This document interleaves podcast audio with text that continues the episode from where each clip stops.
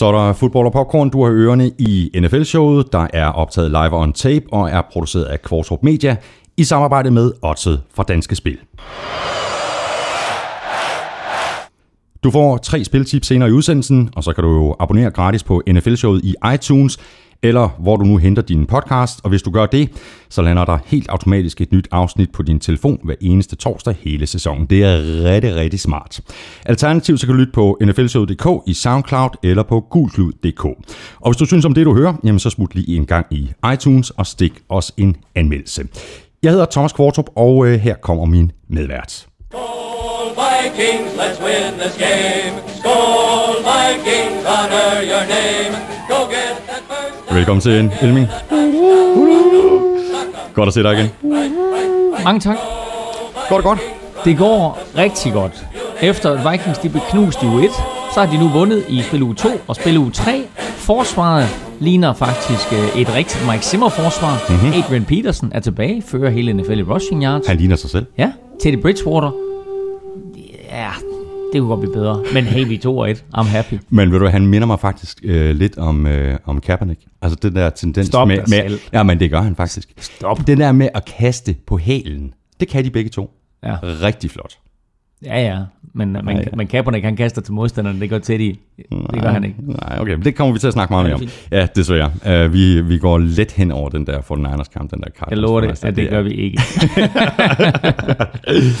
Nå, øh, Elming, og så er der et, øh, et, øh, et jubilæum, et skarpt hjørne, som du kommer til at runde nu her på øh, i, i morgen. Det hedder NFL-showet, det her. Ja, men det, vi er jo ikke gået i gang med NFL nu. Nå, okay. Sidder lige og chit-chatter okay. lidt, Ja, ikke? men det er korrekt. Fredag aften øh, laver jeg... Ej, det er også helt vanvittigt? Men jeg laver mit live show, og det lyder faktisk bedre end der. Men, men jeg laver mit live show nummer 100 i, Jamen, det er da i, crazy. i Vild med Dans. Havde du regnet med det helt seriøst, da du gik i gang med det? Selvfølgelig havde jeg ikke det. Altså, da jeg, da jeg gik i gang med det, der var det jo der var det et stort karrieremove, ikke? Altså, det var det største underholdningsprogram, der var på TV2. Det var en enorm ære. Og det er Men er det ikke stadigvæk det? Det er det sådan set stadigvæk. Øh, Det er en enorm ære at få lov til at lave, ikke? Og, og, og, og det, man skal forstå også med Dans, det er, at når man får lov til at lave sådan et program, så, så arbejder du sammen med alle de bedste i branchen. Det er de bedste producer, det er de bedste fotografer, det er de bedste manuskriptskribenter, det er de bedste produktionsselskaber. Altså, det er bare toppen af poppen. Mm. Og jeg lavede 100, altså i morgen, ikke? Altså fredag. Mm. Så øh, helt vildt. Meget, meget stolt af det. Og så, øh, nu nævnte jeg jo lige øh, det her indledningsvis med, at øh, vores lyttere har mulighed for at gå i iTunes og anmelde sig, og, og det er der faktisk en del, der allerede har været søde at gøre. Der er indtil nu landet 25 anmeldelser, Claus. Hold da op. 23 har givet os 5 stjerner, hvilket er, er, er topkarakter, så tusind tak for det. Og så er der to, der har givet bundkarakter. En stjerne. De har ikke skrevet noget, de har bare givet en stjerne. Altså, Jeg er ret overbevist om, at de to der, hvis de havde haft mulighed for at give 0 stjerner, mm. så havde de gjort det. Det virker lidt personligt måske. Det er, vide? det, det er Jimmy. det er Jimmy den ene, hvem er den anden? Ulla, Ulla Esendrup.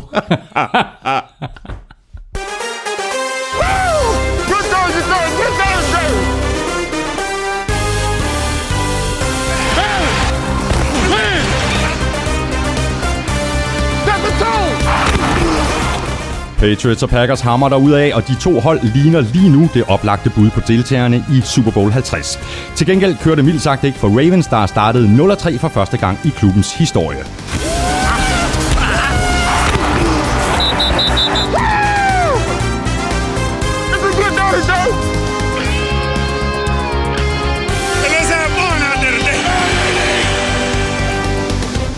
Coles kommer om sider på tavlen i sidste uge, men Andrew Luck træffer stadig alt for mange dårlige beslutninger.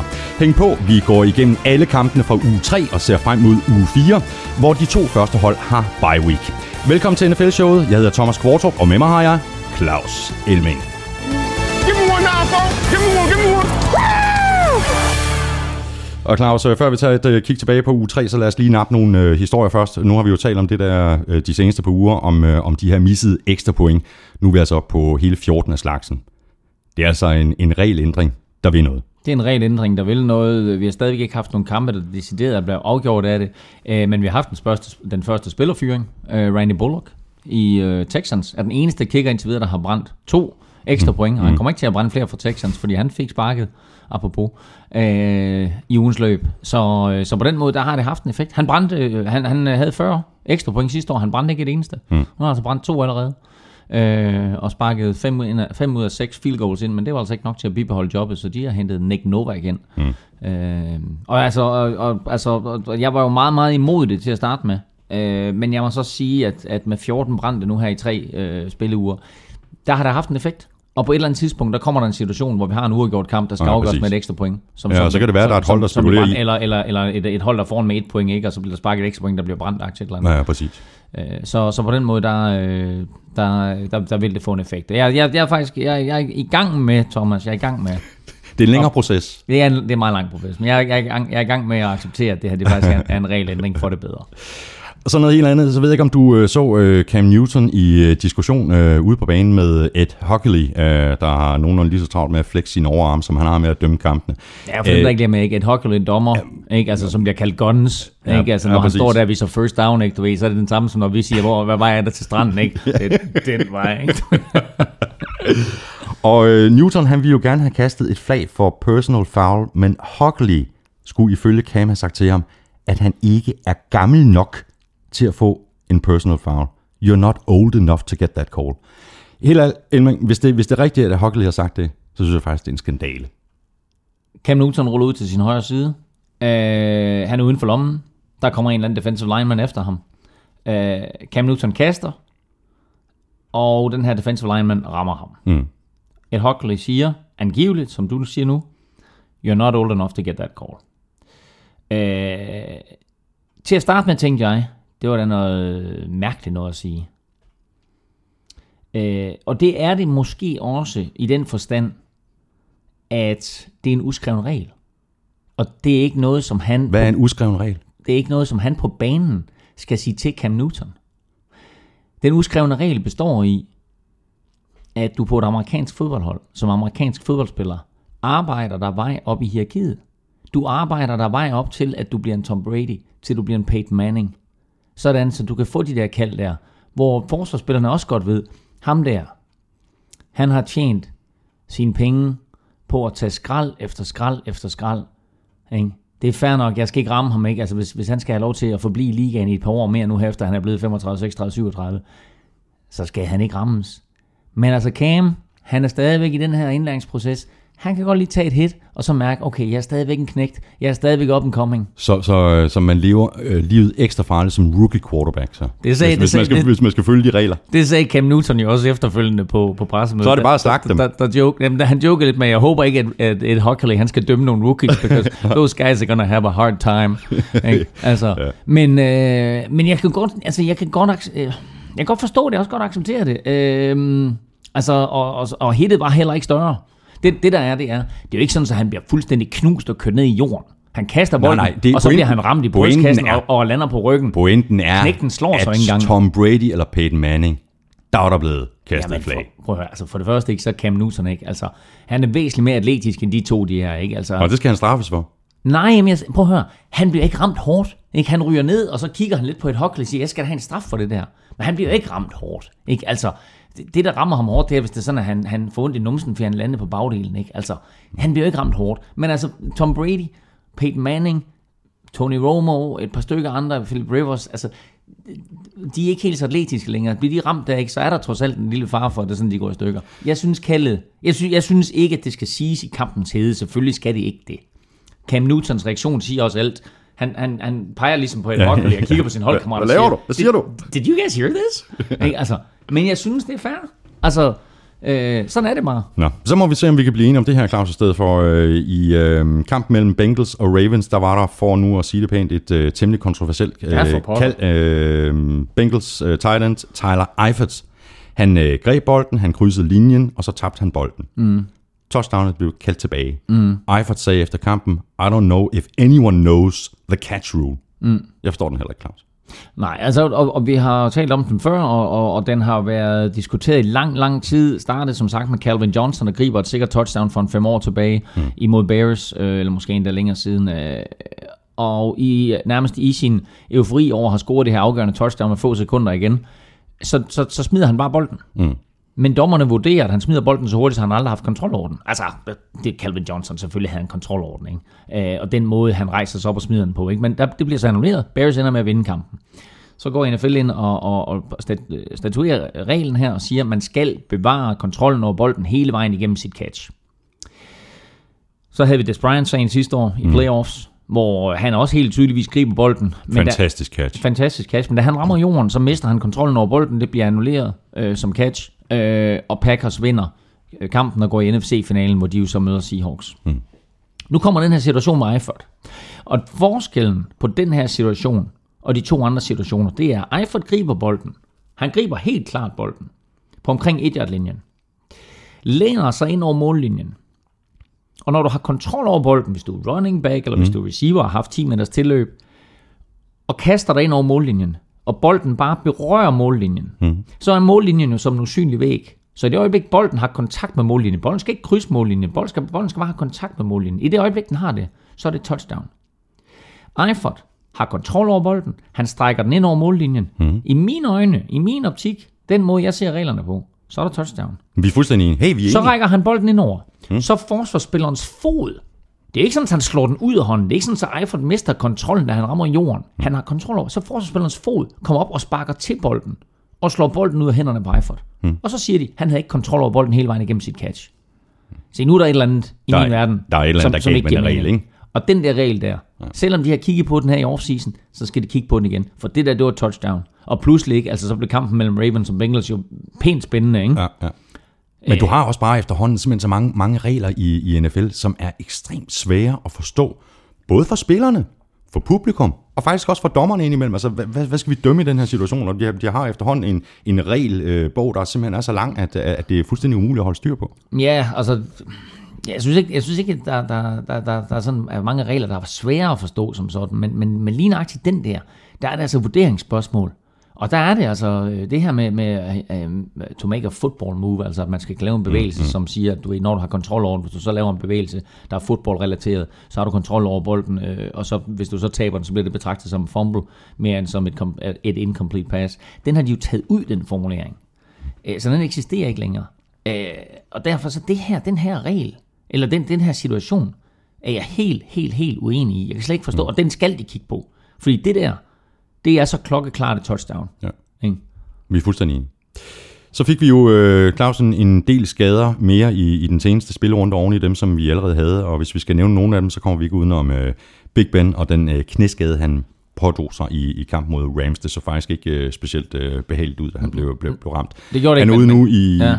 fire til seks uger. Ja. Øh, der er faktisk nogen, der, der nævner helt op til, til otte uger. Mm. Øh, kæmpe konsekvenser for, øh, for, for, for Pittsburgh Steelers, at de nu er, er uden Big Ben. Ja, helt sikkert. Øh, nu starter de så øh, Michael Vick. Vick. Mm-hmm. Øh, øh, det positive, det er jo, at det var ikke en, en korsbåndsskade. Det her, det var en ledbåndsskade, øh, og så et forstuet knæ. Så altså, han kommer så, han kommer så rimelig hurtigt. Det er en hårdfyr fyr også, ikke? Øh, en hårdfør fyr hedder det. Øh, så, øh, så han skal nok komme tilbage. Det, der så er vigtigt for Steelers, det er, at øh, de ligger altså i en division lige nu, øh, hvor Bengals er ubesejret. Mm-hmm. Øh, hvor Ravens jo selvfølgelig øh, håber på at, at, at kunne drage nytte af, at, at øh, Steelers de pludselig skal til at starte øh, en anden end, end øh, Big Ben.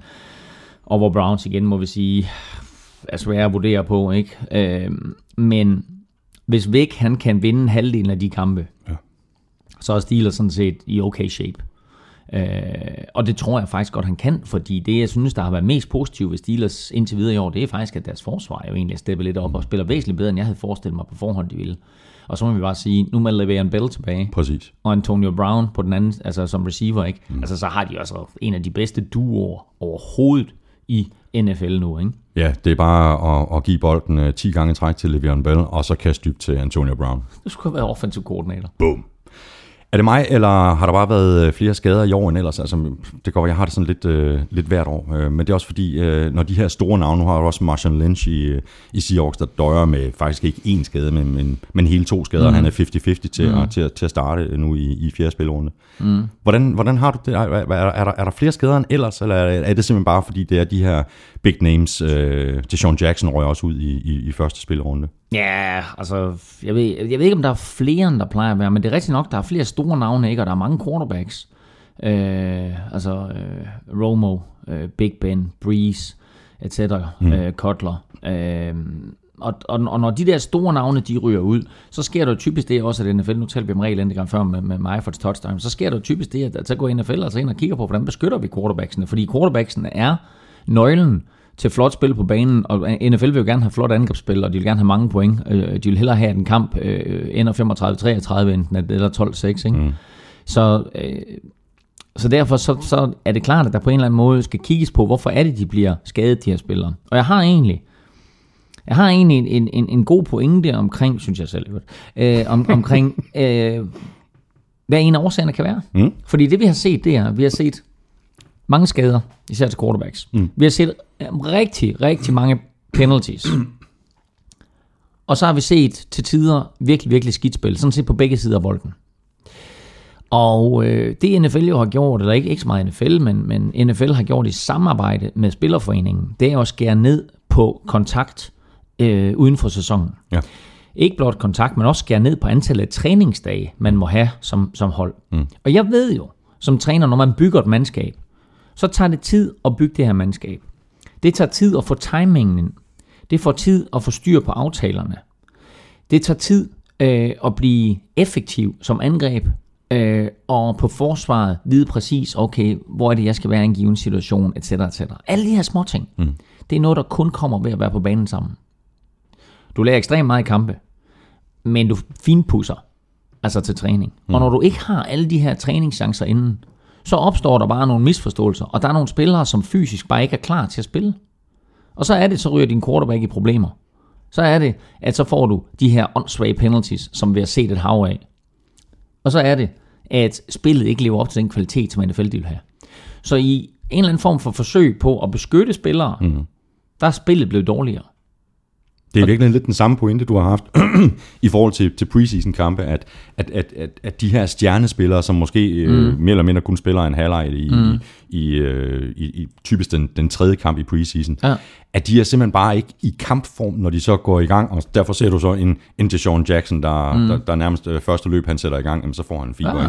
Jo, og, og, altså, og, og det er bare en proces, hvor man jo fysisk øh, også og alle folk, der, der har lavet øh, noget fysisk en eller anden art, for enten det er at løbe, eller spille fodbold, eller cykle, eller hvad det er, ved jo også, at man kommer i bedre og bedre form. Og jo bedre form du er i, altså, jo, jo mindre er risikoen for at få skader. Og derfor så tager jeg det sådan lidt, jamen, altså, folk de skal stille og roligt bygges op, så det er ikke noget, at, at, at de bare får en enkelt halvleg i, i, i preseason. Altså Adrian Peterson så forfærdelig ud i den første kamp, ikke? og så har han set rigtig, rigtig god ud i kamp 2 og kamp 3. Han spillede overhovedet ikke i preseason. Mm. Havde han nu spillet lidt i preseason, så er det ikke helt sikkert, at han har set så dårligt ud i kamp 1. Øhm, det er vi mange, der er glade for. Ja, yeah, I, I know, som 49ers fan, ikke? øhm, men pointen er bare, at der er lavet en aftale, øh, og det, det er sådan en, øh, en slags overenskomst, øh, som hedder CBA, Collective Bargaining Agreement, en overenskomst mellem NFL og NFL Spillerforening, hvor de har skåret ned på antallet af træninger, og de har skåret ned på kontakten til træninger. Mm. Øh, og det står bare i skærende kontrast til, hvordan NFL var for 25 år siden eller for 20 år siden, eller for 15 år siden, for den sags skyld. Ikke? Øh, og jeg synes, at man kan se en effekt af det nu. I form af skader, dårligt spil, og alt, alt, alt, alt for mange penalties.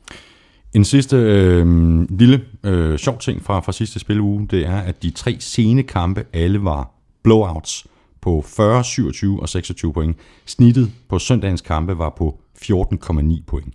Kæmpe forskel. Har du, og, har du en god forklaring? Øh, ja, altså, vi kan jo bringe lidt det samme i spil, ikke? Altså, selvom det selvfølgelig burde være, burde være ens for begge mandskaber. NFL har jo ambitioner om at være en meget, meget jævnbyrdig liga. Øh, kamp for kamp, søndag for søndag, sæson for sæson. Øh, og når du så får sådan en søndag som det her, hvor den gennemsnitlige sejrsmarken er på næsten 15 point, så sidder der dem der på NFL, ikke? Som, som jo, altså det, er, det, er jo, det, er jo, det er jo en, en sportsgren, det er en, en, en liga, men det er også en big, big business. Det er en mega business. Og det, der, det de går allermest op i, det er tv-seere, det er ratings, fordi de ved, at de har et produkt, som de skal sætte på banen hver uge, som skal sælge reklamekroner, hmm. eller reklamedollars. Og øh, hvis en kamp er afgjort, et hold er foran, altså de tre sene kampe, ikke? Altså, som du siger, ikke, de blev afgjort med mellem, altså det, det mindste margin var 26, ikke? Og det var, det var Seahawks, der slog Bears 26-0. Øh, når, når, når det er sådan, så skifter folk altså væk. Så smutter de altså over og ser, ser X-Factor eller, eller en eller anden tilfældig soap, ikke? Altså, Eller hvis man har Game Pass, så, så smutter man fra øh, 49ers-kampen øh, efter cirka 10 minutter og slår over på en anden kamp. Præcis. Øhm, nå ja, det var jo et, det var jo et vildt, men den vender vi tilbage til. Så, øh, så igen, øh, jeg har ikke et godt svar på, hvorfor der var så stor margin i de her kampe, men det er noget, som NFL absolut ikke vil have.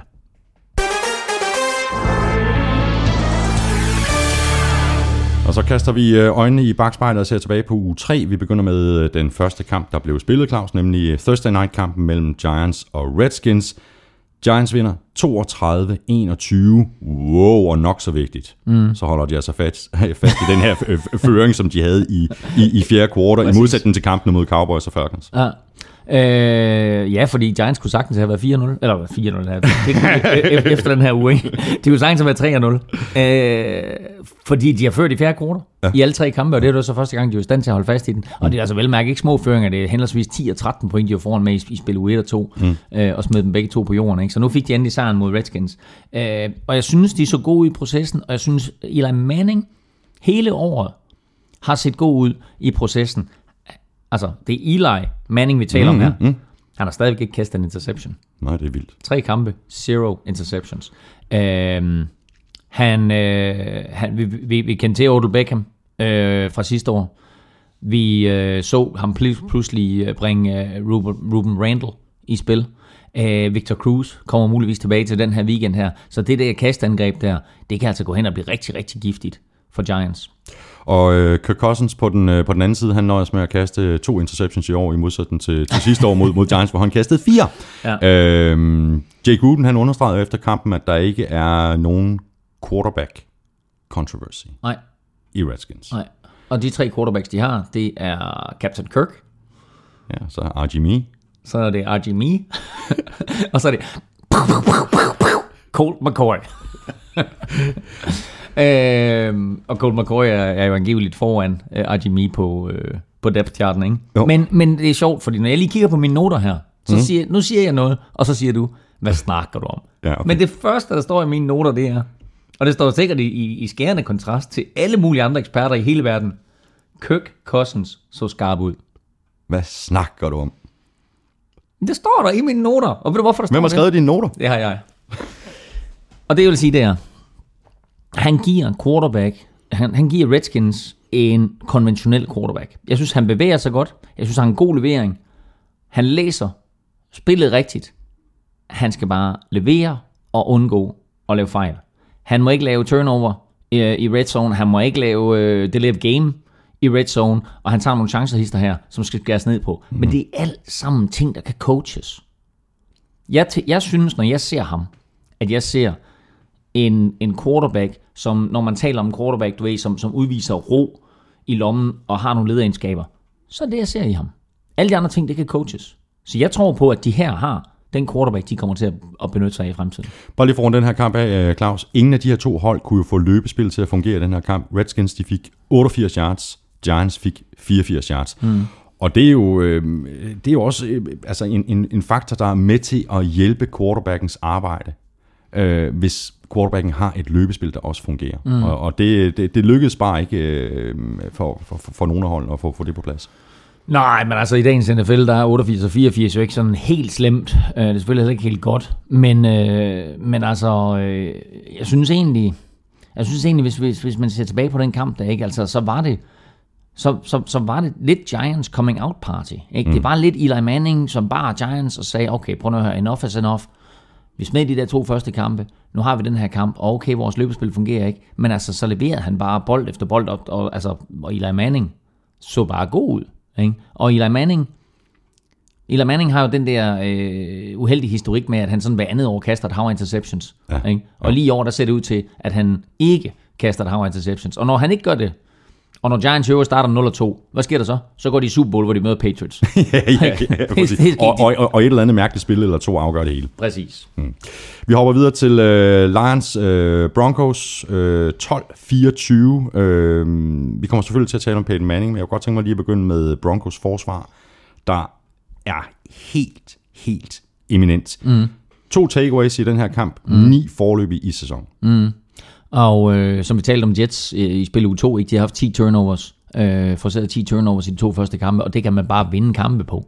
Og øh, selvom der selvfølgelig var kvalitetsforskel på, på, på Lions og Broncos, øh, vi så en, en, øh, en Matthew Stafford, som var under konstant pres hele tiden, øh, og ikke fik ret meget hjælp af sin offensive linje. Vi så også et, et Lions forsvar, som det er interessant, ikke? fordi Lions savner en Dominican Sue helt vildt. Mm-hmm. Men det gør Miami Dolphins også. Ja, præcis. De har ikke fået noget som helst ud af ham. Han er ikke eksisterende. Ja, det var, de gav ham 100 millioner dollars, så det vender vi tilbage til. Ikke? Men altså, han, han, han har ikke vist sig i, i Miami endnu, men altså, han er i den grad savnet i, uh, i Detroit. Så virker, Ja. undskyld. Nej, jeg fortsætter. Ja, det virker jo faktisk til, at øh, Kubiak har lyttet til øh, NFL-showet, øh, ligesom så mange andre de gør, og har fulgt dit råd, øh, Claus, fra, fra sidste uge, om at lade Manning stille op i, i shotgun. Manning legnet op i enten pistol eller shotgun mm. hele kampen. Mm. Og jeg lagde godt mærke til det, da jeg sad og så den, så sad, så sad jeg og tænkte, wow? Kubiak, Og han kan forstå dansk. det er helt ekstremt. Nej, og, og, og, det, og det interessante det er jo, at Manning bliver bare bedre af det. Og det er jo fedt, når en træner går på kompromis med sin egen filosofi, fordi Kubiak vil gerne have quarterback. Kubiak er den gamle skole jo, ikke? Øh, og var jo backup quarterback i Denver i mange, mange år øh, under John Elway. Øh, nu er han så cheftræner, øh, mens John Elway han sidder oppe i boksen og, og, og kigger ned, øh, og, og kender selvfølgelig Kubiak. Og, og, og den måde, man spillede på dengang, ikke? der var alle under center. Ikke? Du ved, det var kun sådan i voldsomme situationer, 3. og 15. og sådan noget, man gik i shotgun. Mm. Men Manning for, for, læser bare spillet bedre, når han er i shotgun. Det er ekstra et eller to sekunder, han får der, hjælper ham bare. Så skal de så finde ud af nu, om, om, om pistol, formationen, hvor running backen står bag ved quarterbacken, er den, der er mest effektiv, eller det er en øh, reel shotgun, hvor øh, running backen står enten til højre eller venstre for quarterbacken. Øh, som jeg umiddelbart vurderer det, så vil jeg faktisk sige, at det er den normale shotgun. De brugte pistol rigtig, rigtig meget. Øh, men den normale shotgun, tror jeg, er mest effektiv for Manning. Nu må vi se, om øh, Gary Kubiak lytter med igen. Det, det følger vi op på i næste uge. Lions, de er 0-3 og har fået den værste start siden 2010. Hvis jeg skulle op imod Lions, og jeg var defensiv koordinator, så ville jeg bare blive hele dagen. Hele dagen. Ja, og, og, og gøre det på forsvars venstre side, fordi deres højre tackle, han er der simpelthen så elendig. Nu taler vi om penalties. Han havde, han havde et par holding penalties, han havde et par false starts, og når han ikke havde det, du ved, så lå han bare øh, Broncos forsvar, Von Miller og hvem der ellers stod derovre, øh, altså øh, fuldstændig uhemmet øh, og nærmest øh, uberørt, mm. kom ind til Matthew Stafford. Det gør det altså ikke nemt at spille quarterback. Og så lad os bare få det overstået, Claus. Øh, Cardinals øh, får Niners 47-7. Det var simpelthen en øh, rundbarbering af, af rang. Og altså Niners, But they are who we thought they were. præcis. Og det var, har jo ikke noget med, med kampen at gøre, men et dejligt lille citat, du har fundet frem der. Dennis Green. Da han Øh, var head coach for, for, for Cardinals. Præcis. Øhm, Var det ikke Bears på, på hjemmebane? Ja, Bears og det... de kom igen i, i, i, i fjerde kvartal, eller sådan efter at, at Cardinals havde været foran med tre touchdowns, eller sådan noget fuldstændig crazy. Ja, og så blev han sur over, at han... altså, fordi de, altså, jeg mener... Ej, det er også lige meget med situationen. Men, men, men det, jeg lige vil bringe på banen, det er jo, Kaepernick så super skarp ud i første kvartal, ikke? Ramte på alle sine fire første kast. Bare til... Han ramte på, han ramte på altså sine bare- fire første kast. Helt inden for de første 6 minutter, to ja. pick sixes.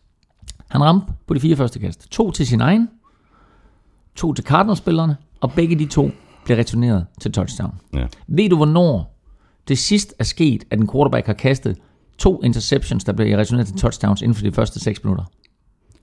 Jeg er ikke sikker på, at det nogensinde er sket. Øh, Jeg, jeg har Det er faktisk... registreret én gang Okay. i 1925. Ja, men det, men det også, og, det, og det er siden dengang, hvor man begyndte at opgøre sådan noget.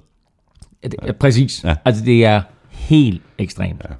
Ja. Man kan roligt sige, at Kaepernick han spillede af helvede til, men han påtog sig i det mindste ansvaret efter kampen. Andet ville også have været latterligt, ikke? oh, altså, det, altså, det er så pinligt, og det er, også, det er også vildt, ikke, som vi sad her og roste ham efter spil uge 1. Ja. Uh, og så var han ikke decideret heldig i spil uge 2, og så her i spil uge 3, ikke? Altså, han var jo så elendig. Og nu vil jeg så sige, det der er Cardinals mandskab. Mm-hmm. Altså, de er gode. Mm-hmm. De er rigtig, rigtig gode. De har masser af dybde, bredde på holdet. De har en Carson Palmer, som selvfølgelig er omdrejningspunktet. Altså, når Carsten spiller godt, så har Cardinals chance for at vinde alle kampe. Og jeg har faktisk en pointe her. Nå. Hvad er det? Jeg synes faktisk, der er et eller andet, der, der lugter en lille bitte smule snyd. Altså, hvad er det? Et 2005-hold. Øh, det var Carson Palmer, det var Larry Fitzgerald og Chris Johnson. er det 2005 eller hvad? Hvad sker der? Det er da snyd. Ja, det er rigtigt. Ja, Carson Palmer, han var, han var vel i Bengals dengang, og CJ2K for... Ja. var han, han var da ikke i ligaen i 2005, CJ2K. Var det ikke det? Nej, det tror jeg. Åh, det tror Nej, jeg. han var ikke. Han er, han- han, er spillede han 42, han er 42 nu. Og der kæft, der spillede han der i college et eller andet sted. Så, men det er rigtigt, ikke? Altså, det er de der gamle... Og se Larry Fitzgerald, ikke? Altså, øh, han Hvor havde... kom den fra, altså? Ja, jo, men det To, start... kamp, to kampe i Ja, træk to nu. kampe i træk, ikke? Fem touchdowns på to kampe. Altså, det hold der, det er godt. Det er Jeg har, har lige et enkelt spørgsmål, Ja. fordi øh, du er lige præcis inde på det med hensyn til Carson Palmer. Øh, god gammel Carsten. At øh, det er ret afgørende for, for Cardinals, at de holder ham øh, frisk og skadesfri. Mm. I modsætning til sidste år, hvor de mm. også spillede rigtig, rigtig godt, og så måtte mm. undvære ham øh, halvdelen ja. af sæsonen. Ikke? Hvorfor tog de så ikke Palmer ud i fjerde kvartal, hvor de førte så stort? Ud på bænken med dig.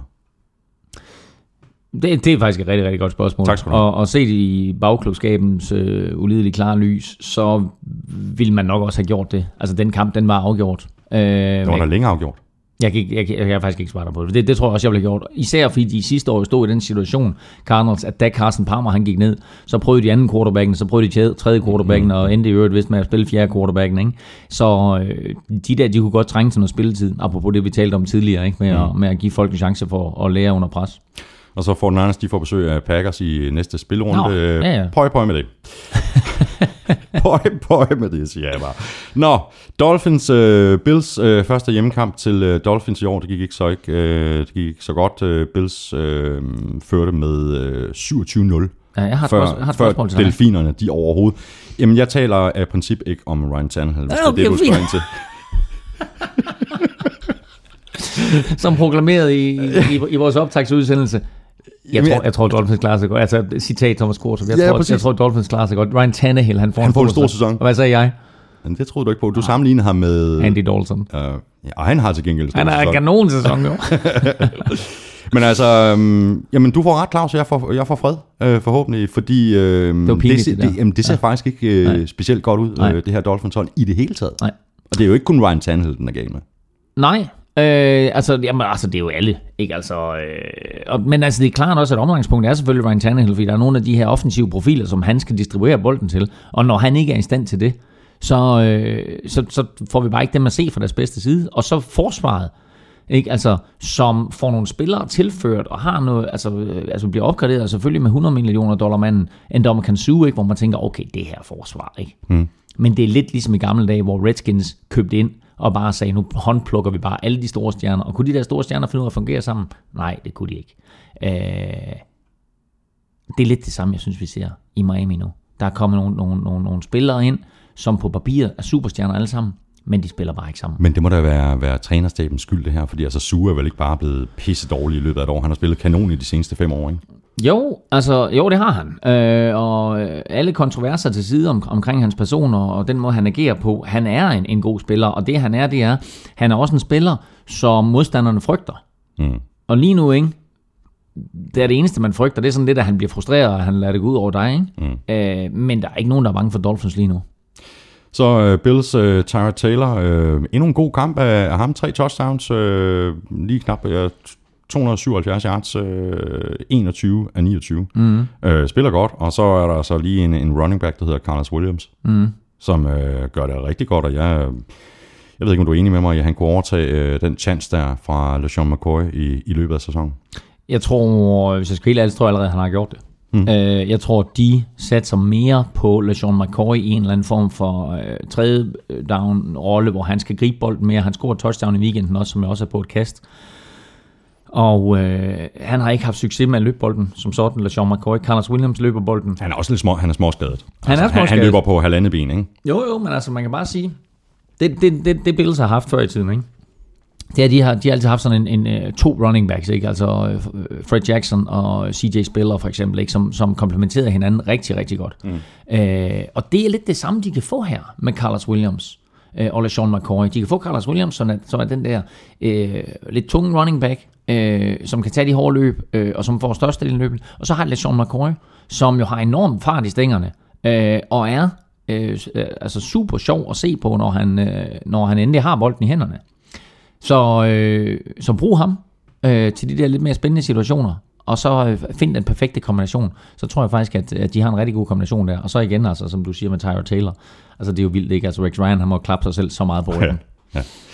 Øhm, Seahawks øh, 26, Bears 0. Øhm, øh, Seahawks øh, får så deres øh, første sejr kommer på 1 og 2, og Bears de er 0 og 3. Øh, det bliver en lang sæson for Bears det her. De havde en imponerende øh, stat i den her kamp. De havde 407 yards i punting. Jamen, jeg, jeg, jeg, altså, hvad var det, jeg så? Øh, Jeg så en eller anden statistik også over deres punting. Jeg ved ikke, om du har dem der, men altså, øh, det var sådan noget med, at de, altså, nu fik de 0 point, altså, så der var ikke noget, de sparkede jo ikke kick-off, altså, de sparkede et kick-off, ikke? Mm. Øh, og ellers så fik de ikke lov til at sparke kick-off yderligere i den kamp, altså, det var jo punt på punt på punt, mm. eller turnover på turnover på turnover. Øh, og jeg havde jo lidt håbet på, for at kunne klappe mig selv på ryggen, at Jimmy Clausen, øh, TV2-sportspilleren Jimmy Clausen, var kommet ind og havde bevist, at når du har de våben, som du har arbejdet med i Chicago, at så er quarterbacken ikke det største problem, fordi jeg havde det sådan lidt med Jay Cutler, at, at han var hemskoen i det der angreb der.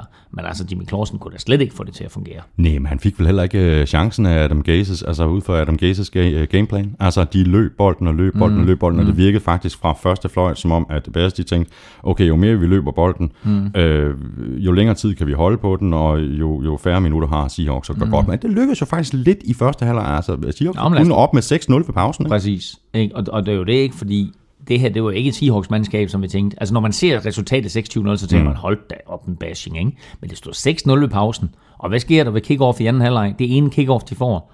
Der sparker de den 5 yards ind i endzonen, og så får rookie Tyler Lockett bolden, ja. og 105 yards senere, så står det 13-0. Ja.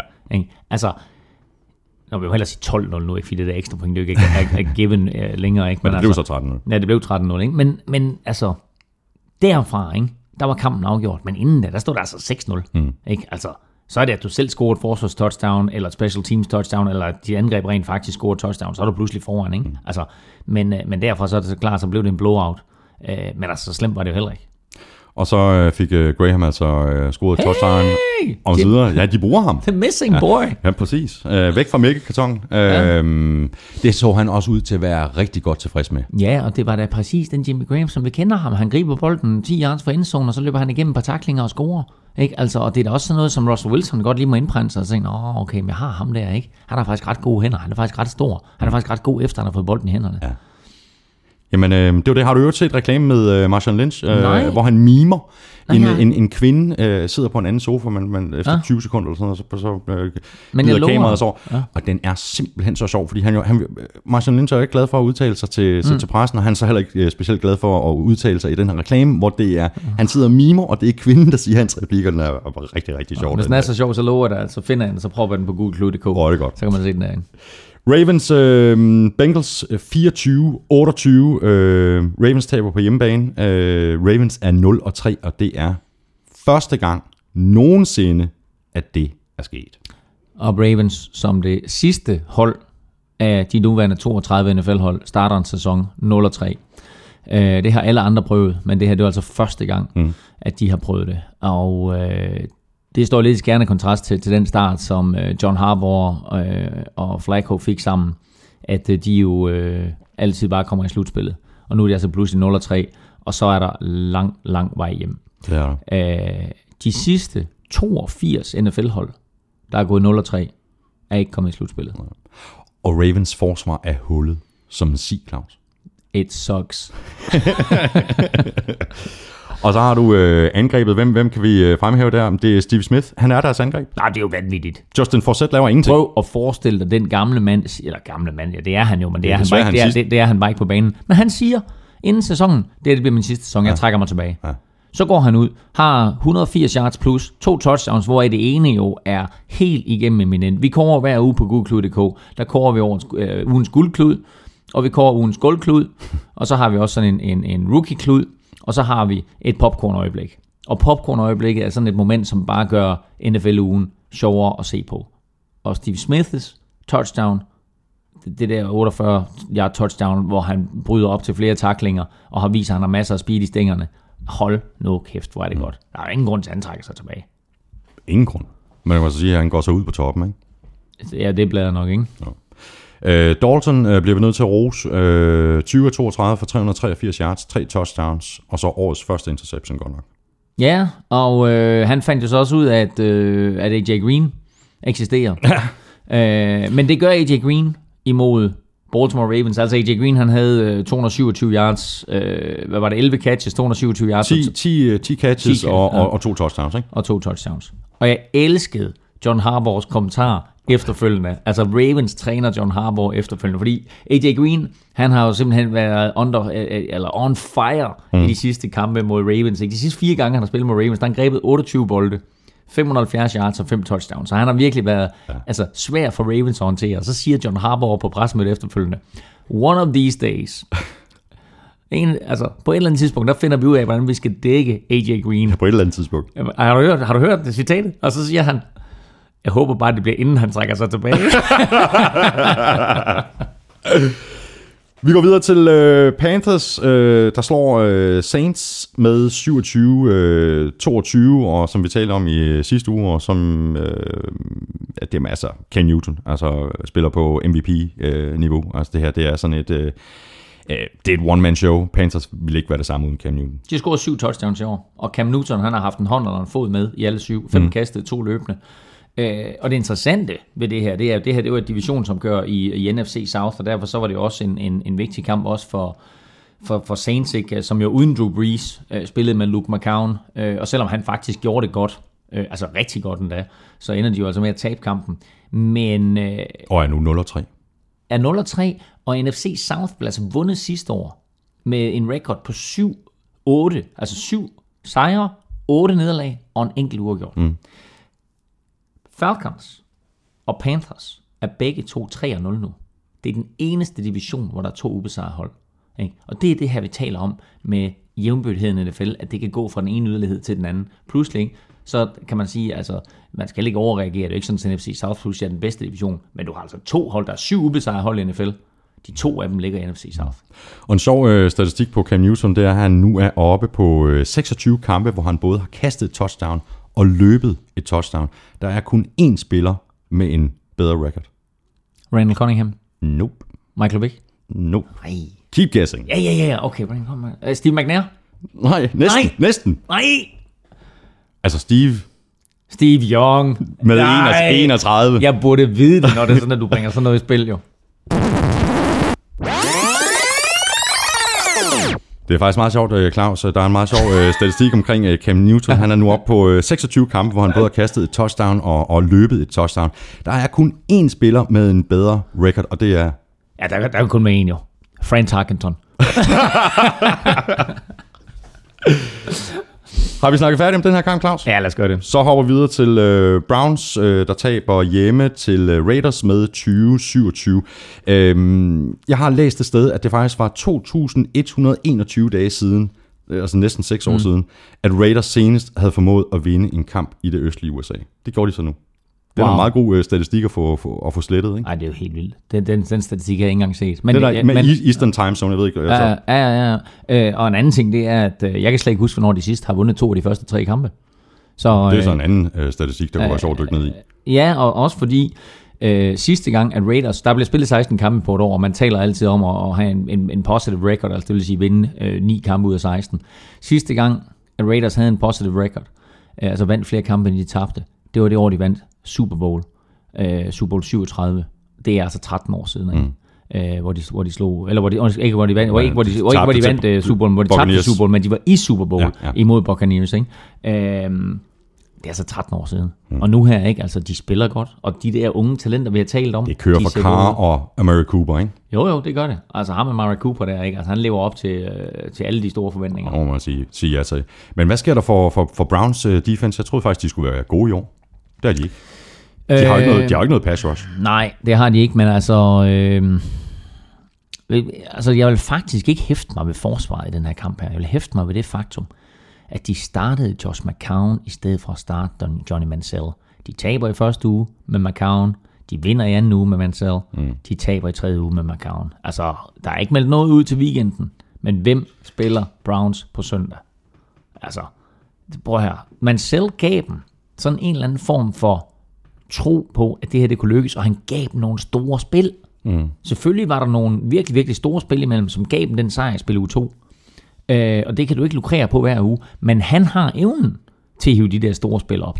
Og skal han undgå alle de der dumheder, han har gået og lavet. Ikke? Men kan han spille, tak. som, men kan han spille, som han gjorde i U2, mm. så giver han altså Browns en væsentlig større chance for at vinde kampe, end det Josh McCown han præsterede i søndags. Men altså, Mike øh, Patton i den her kamp øh, valgte jo at gå på den på, på fjerde down, øh, kort før pausen, nede med 0-10. Halvdelen af deres O-line gik offside. Og så er de så tvunget til at nøjes med field goal. Altså, der er også de her altså, øh, Jamen, men, mentale fejl. Ikke? Jamen skal vi tilbage til det, vi talte om tidligere? Ikke? Altså det er præcis det der med, for- med, med, med, forberedelse, øh, antallet af timer, du har haft sammen på træningsbanen, antallet af timer, du har haft til at øve sådan en situation der. Hvis du ikke har, har øvet det nok, jamen, så kommer den fejl til at ske. Og det der, det er sådan en, igen, og det er også sådan noget med, at, øh, at, at, at du som O-line der, øh, er nødt til også at vide, hvad, øh, hvordan, hvordan, hvordan råber quarterbacken det her? Der er forskel på den måde, Josh McCown øh, og, og Johnny Mansell, de råber det. Og McCown har tydeligvis råbt et eller andet, som gjorde, at, at O-line troede, hov, nu ryger bolden. Det gjorde den bare ikke. Claus, øh, jeg synes, vi skal have ros. Øh, Vi er øh, nu tre kvarter inde i podcasten. På det her tidspunkt sidste uge, der havde vi brugt en time. Ja, men jeg vil lige sige, og det er fordi, det er sådan, at, at du er, er hård, så skærer du bare igennem her. Jeg nåede slet ikke at fortælle det, jeg vil fortælle om Raiders og Browns, og det er Charles Woodson. Vi er nødt til lige at vende ham. Inter- interception. Legenden. Han ja. laver en vild interception. Med 38 sekunder tilbage, øh, tror jeg. Ja, og hvor han jo bruger sin enorme rutine til at lokke Josh McCown til at kaste bolden mm, til en receiver, som ser meget åben ud, men Charles Woodson, han laver den der interception. Men han er lige præcis rutineret. Hvad han, Han- han spillede i ligaen? 43 år eller sådan noget. Han bliver 39 ja. i næste uge. Ja. Det her, det var hans 18. sæson i træk med en interception. Dermed så tangerer han altså øh, rekorden for, for øh, flest sæsoner i træk, som øh, i øvrigt tilhører Daryl Green. Så spiller han igen næste år, så, øh, så kan han altså sætte rekorden, hvis han laver en interception. Det var i øvrigt hans interception nummer 61. Øh, Så lige stille uh, Stevie Wonder, ikke? Ja, at prøver- sparke, jeg prøver sparke det. bordet, ikke? Ja, men det var hans, hans øh, interception nummer, nummer 61 i karrieren, ikke? så øh, imponerende Charles Woodson. Så går vi til øh, spørgsmålene, der er blevet øh, tweetet til NFL-showet med hashtag NFL-showet. Jeppe Holmgaard Bak spørger, hvordan ser I øh, på Pittsburghs chancer i år med Big Ben ude i op til 6 uger? Vi rundede det lidt øh, indledningsvis. Altså, hvis de kan gå... Øh, Ja, hvis de går 3-3 eller 4-4, alt afhængig af, hvor mange, hvor mange kampe han er ude, ikke, så, så, mm. så er de okay stille. Man skal jo ikke, altså Vic er jo, Vic er jo en god quarterback.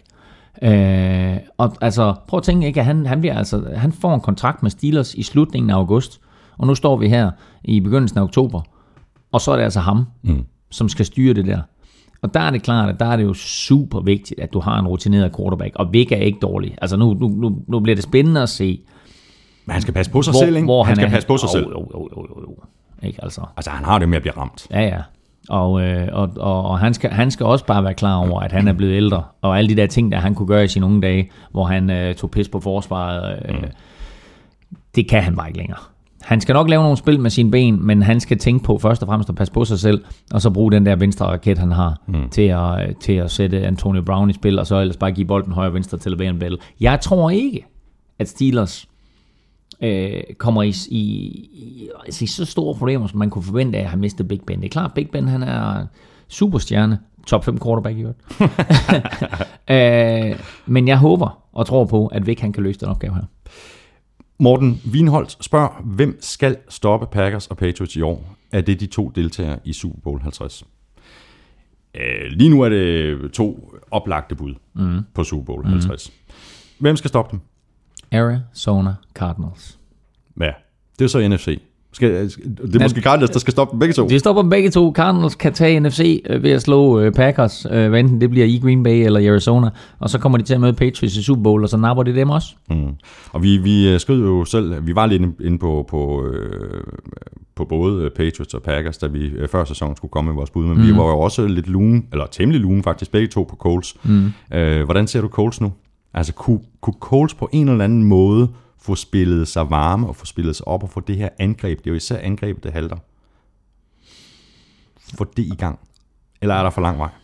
Ved du jeg synes, de burde have været 0-3. De skulle aldrig have haft den sejr i weekenden. Nej. Det vender vi tilbage til. Mm. Men nej, jeg, jeg, er, altså, jeg er helt rystet over, så dårligt Colts har spillet. Og så dårligt Andrew Luck har spillet. vi to. Nikolaj N. Nielsen øh, skriver nogle interessante trades efter sæsonstart, men har en spiller nogen indflydelse i et trade? Der har for eksempel været øh, Jared Allen. Ja, der, ja, altså nu, nu Bears er, er 0-3, ikke? og så begynder de lidt at sælge ud af afsøllet og begynder at tænke fremad. Øh, så de, øh, de sender øh, Jared Allen øh, videre til Carolina Panthers og får et, et par draft picks for det. Øh, og det er selvfølgelig måden, at man bygger øh, et hold op på. Øh, der er man nødt til som forretninger at se lidt fremadrettet, så sige, så vi sender Jared Allen, Jared Allen til, øh, til, til Carolina, og så får vi nogle unge spillere ind i truppen til næste år. Øh, nej, spilleren har intet at sige, og det bedste eksempel på det, det er jo sådan set uh, Dion Bailey, og så siger folk, hvem er Dion Bailey? Jamen Dion Bailey var den spiller, der overtog for Cam Chancellor i Seattle Seahawks, mens han sad ude de første to uger. Så kommer Cam Chancellor tilbage og siger, hey undskyld drenge, øh, jeg ked af, at jeg ikke lige var der, nu er jeg her. Hvad siger Seahawks? De siger, nej, var det dejligt, du er tilbage, Cam. Hey Dion, øhm, Farvel. farvel. Ikke? Så ud med ham. Det er ingen, der, de kan ikke engang få plads til ham på holdet. Så ud med ham, bum. Ikke? Så går der 48 timer, så øh, samler Jets ham op. Ikke? Så han går fra at bo i det nordvestligste hjørne af USA, til, at, til at flytte øh, hele vejen over til New York, og, og skal nu spille derude i New Jersey, ikke for New Jersey Jets. Må ikke nøjes med at lege sig ind på et hotel i første omgang. Hvad tror du, han har sagt til konen? Honey, pack your bags, we're moving. Again! Om det, er, det er jo sindssygt, ikke? ja, det er det. Så på det ene tidspunkt, der er du i Seattle. 48 timer senere, så er du i New York. Mm. Ikke? Du har intet at sige som spiller. Anders Poulsen vil gerne vide, hvordan vi øh, ranker Tom Brady all time. Ej, det er en af de der, ikke? Og Thomas, man bare sige det igen, det, det er jo svært at sammenligne spillere på tværs af overgang, på tværs af generationer, fordi Det det. spillet var anderledes i 70'erne, spillet var anderledes i 80'erne og 90'erne, mm. øh, 0'erne for sags skyld, øh, til, til, nu, ikke? Så altså, hvor, hvor rangerer du ham? Men hvor vi kan, vi, kan, vi kan starte med at sige, at han er en top 5 øh, quarterback all time. Han er en top 5 quarterback nu, og han er en top 5 quarterback all time. Selvfølgelig er han det. Hans øh, Super Bowl ringe, hans MVP-titler, øh, siger alt.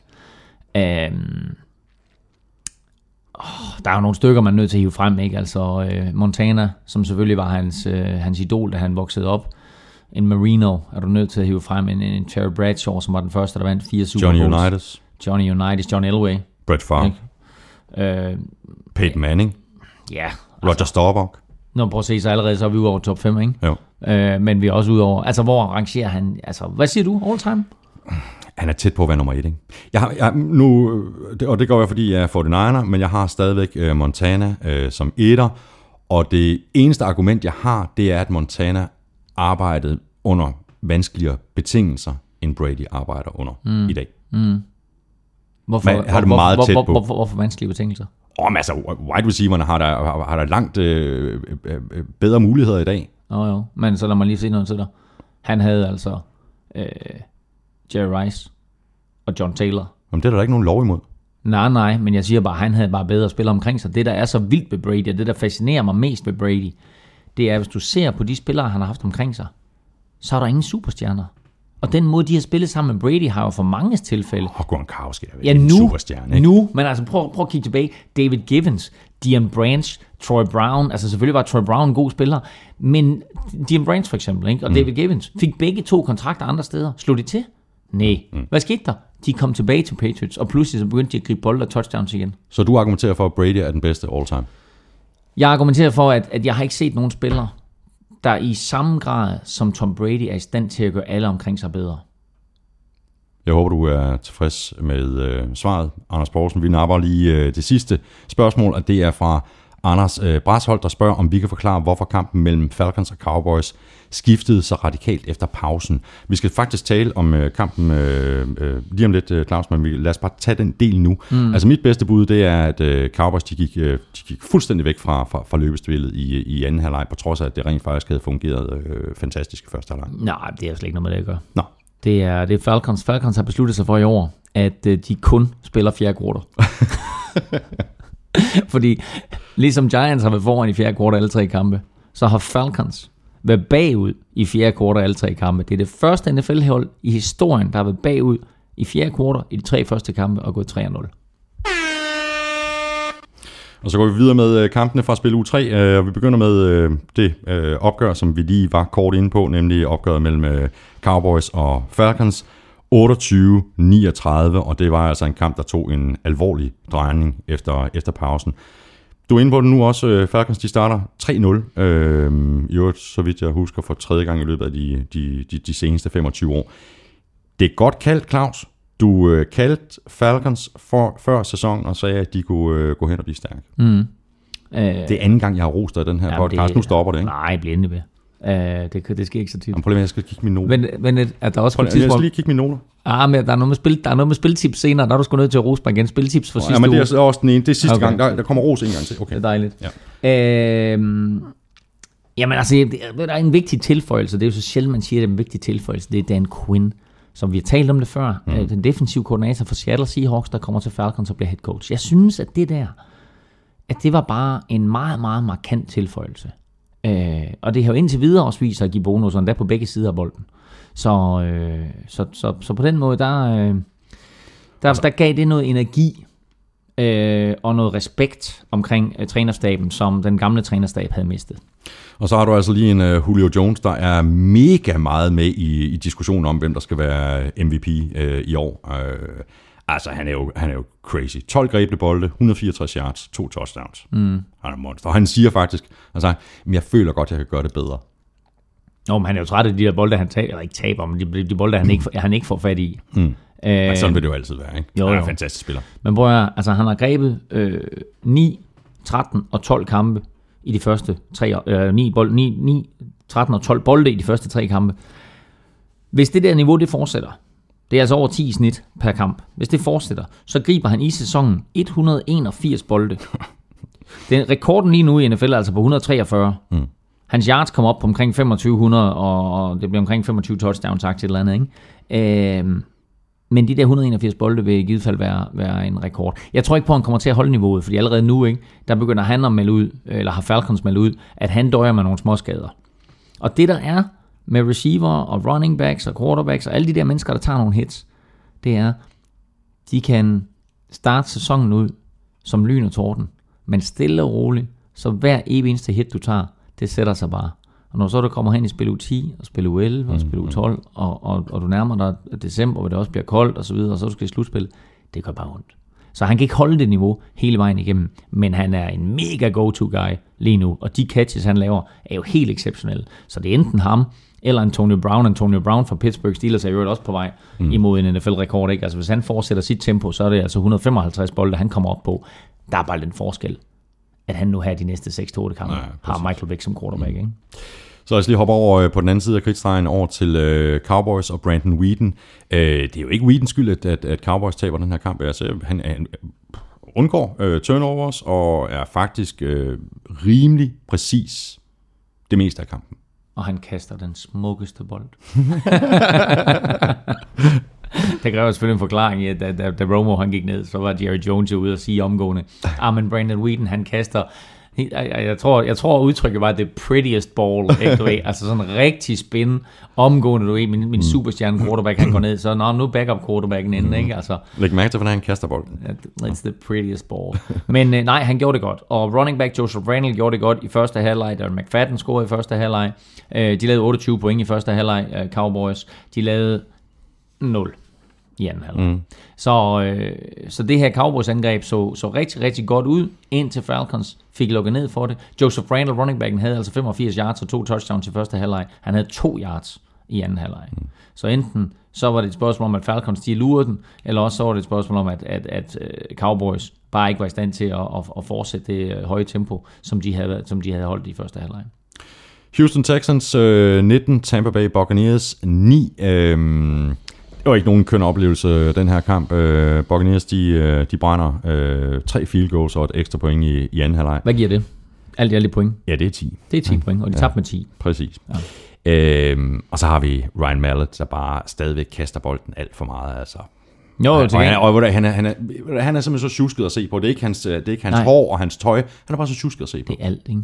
Og det, er er også, og det er også derfor, at Brian Hoyer, Brian Hoyer fra Valby, hmm. bare er en bedre løsning på quarterback for Texans, end Ryan Mallett er. Så i stedet for, at man hiver Brian Hoyer ud der efter første kamp og siger bum, eller ikke engang jo, midt i fjerde quarter, jo ikke? Altså ud med dig, ikke? Øh, og ind med, med rygeren. Altså, kom nu lige i gang, ikke? Altså, det er det her, vi har talt om, ikke? Altså, Men det er også et skidt valg at sidde med. Ikke? jo, selvfølgelig er det. Mallet eller højre? Jo, jo, men igen ikke altså.